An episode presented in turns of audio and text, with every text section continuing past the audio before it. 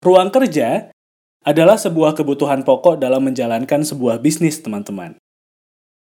Belakangan ini, muncul sebuah tren yang unik di beberapa kota besar. Ruang kerja tidak lagi disewakan dalam jangka waktu yang panjang, tapi bisa juga disewa per hari.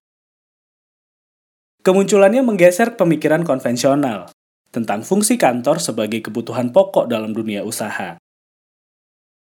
Sebuah survei dari Daily Social di tahun 2019 mencatat, lebih dari 60% masyarakat Indonesia usia produktif lebih senang bekerja di ruang kerja bersama dibanding kantor konvensional.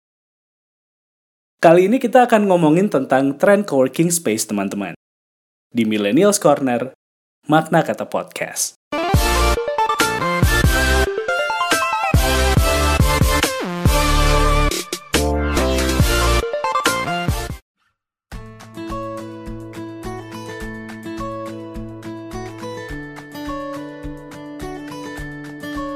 Ruang kerja bersama atau co-working space mendadak jadi tren yang menjamur di kota besar yang ada di Indonesia.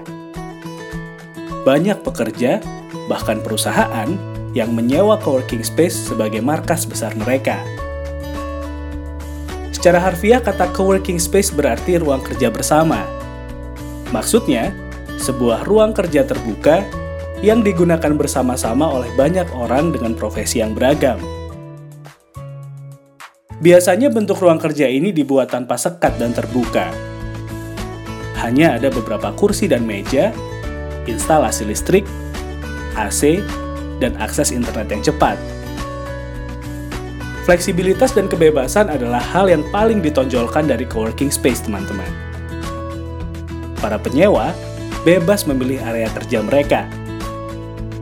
Kalau kamu bosan kerja di belakang meja, kamu bisa kok kerjain deadline sambil selonjoran di beanbag. Selain fasilitas dan interiornya yang menarik, bekerja di coworking space juga menciptakan ekosistem yang produktif, teman-teman. Kita bisa kolaborasi sama pekerja yang lain untuk memaksimalkan potensi bisnis. Coworking space yang menjamur jadi salah satu alternatif buat para pekerja untuk tetap produktif.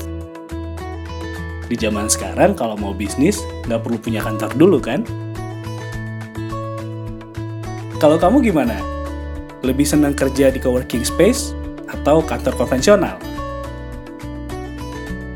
Kalau kamu punya ide yang seru, saran atau kritik, bisa DM saya via Instagram atau Twitter di @vendirahman atau kirim emailnya di vendirahman@gmail.com.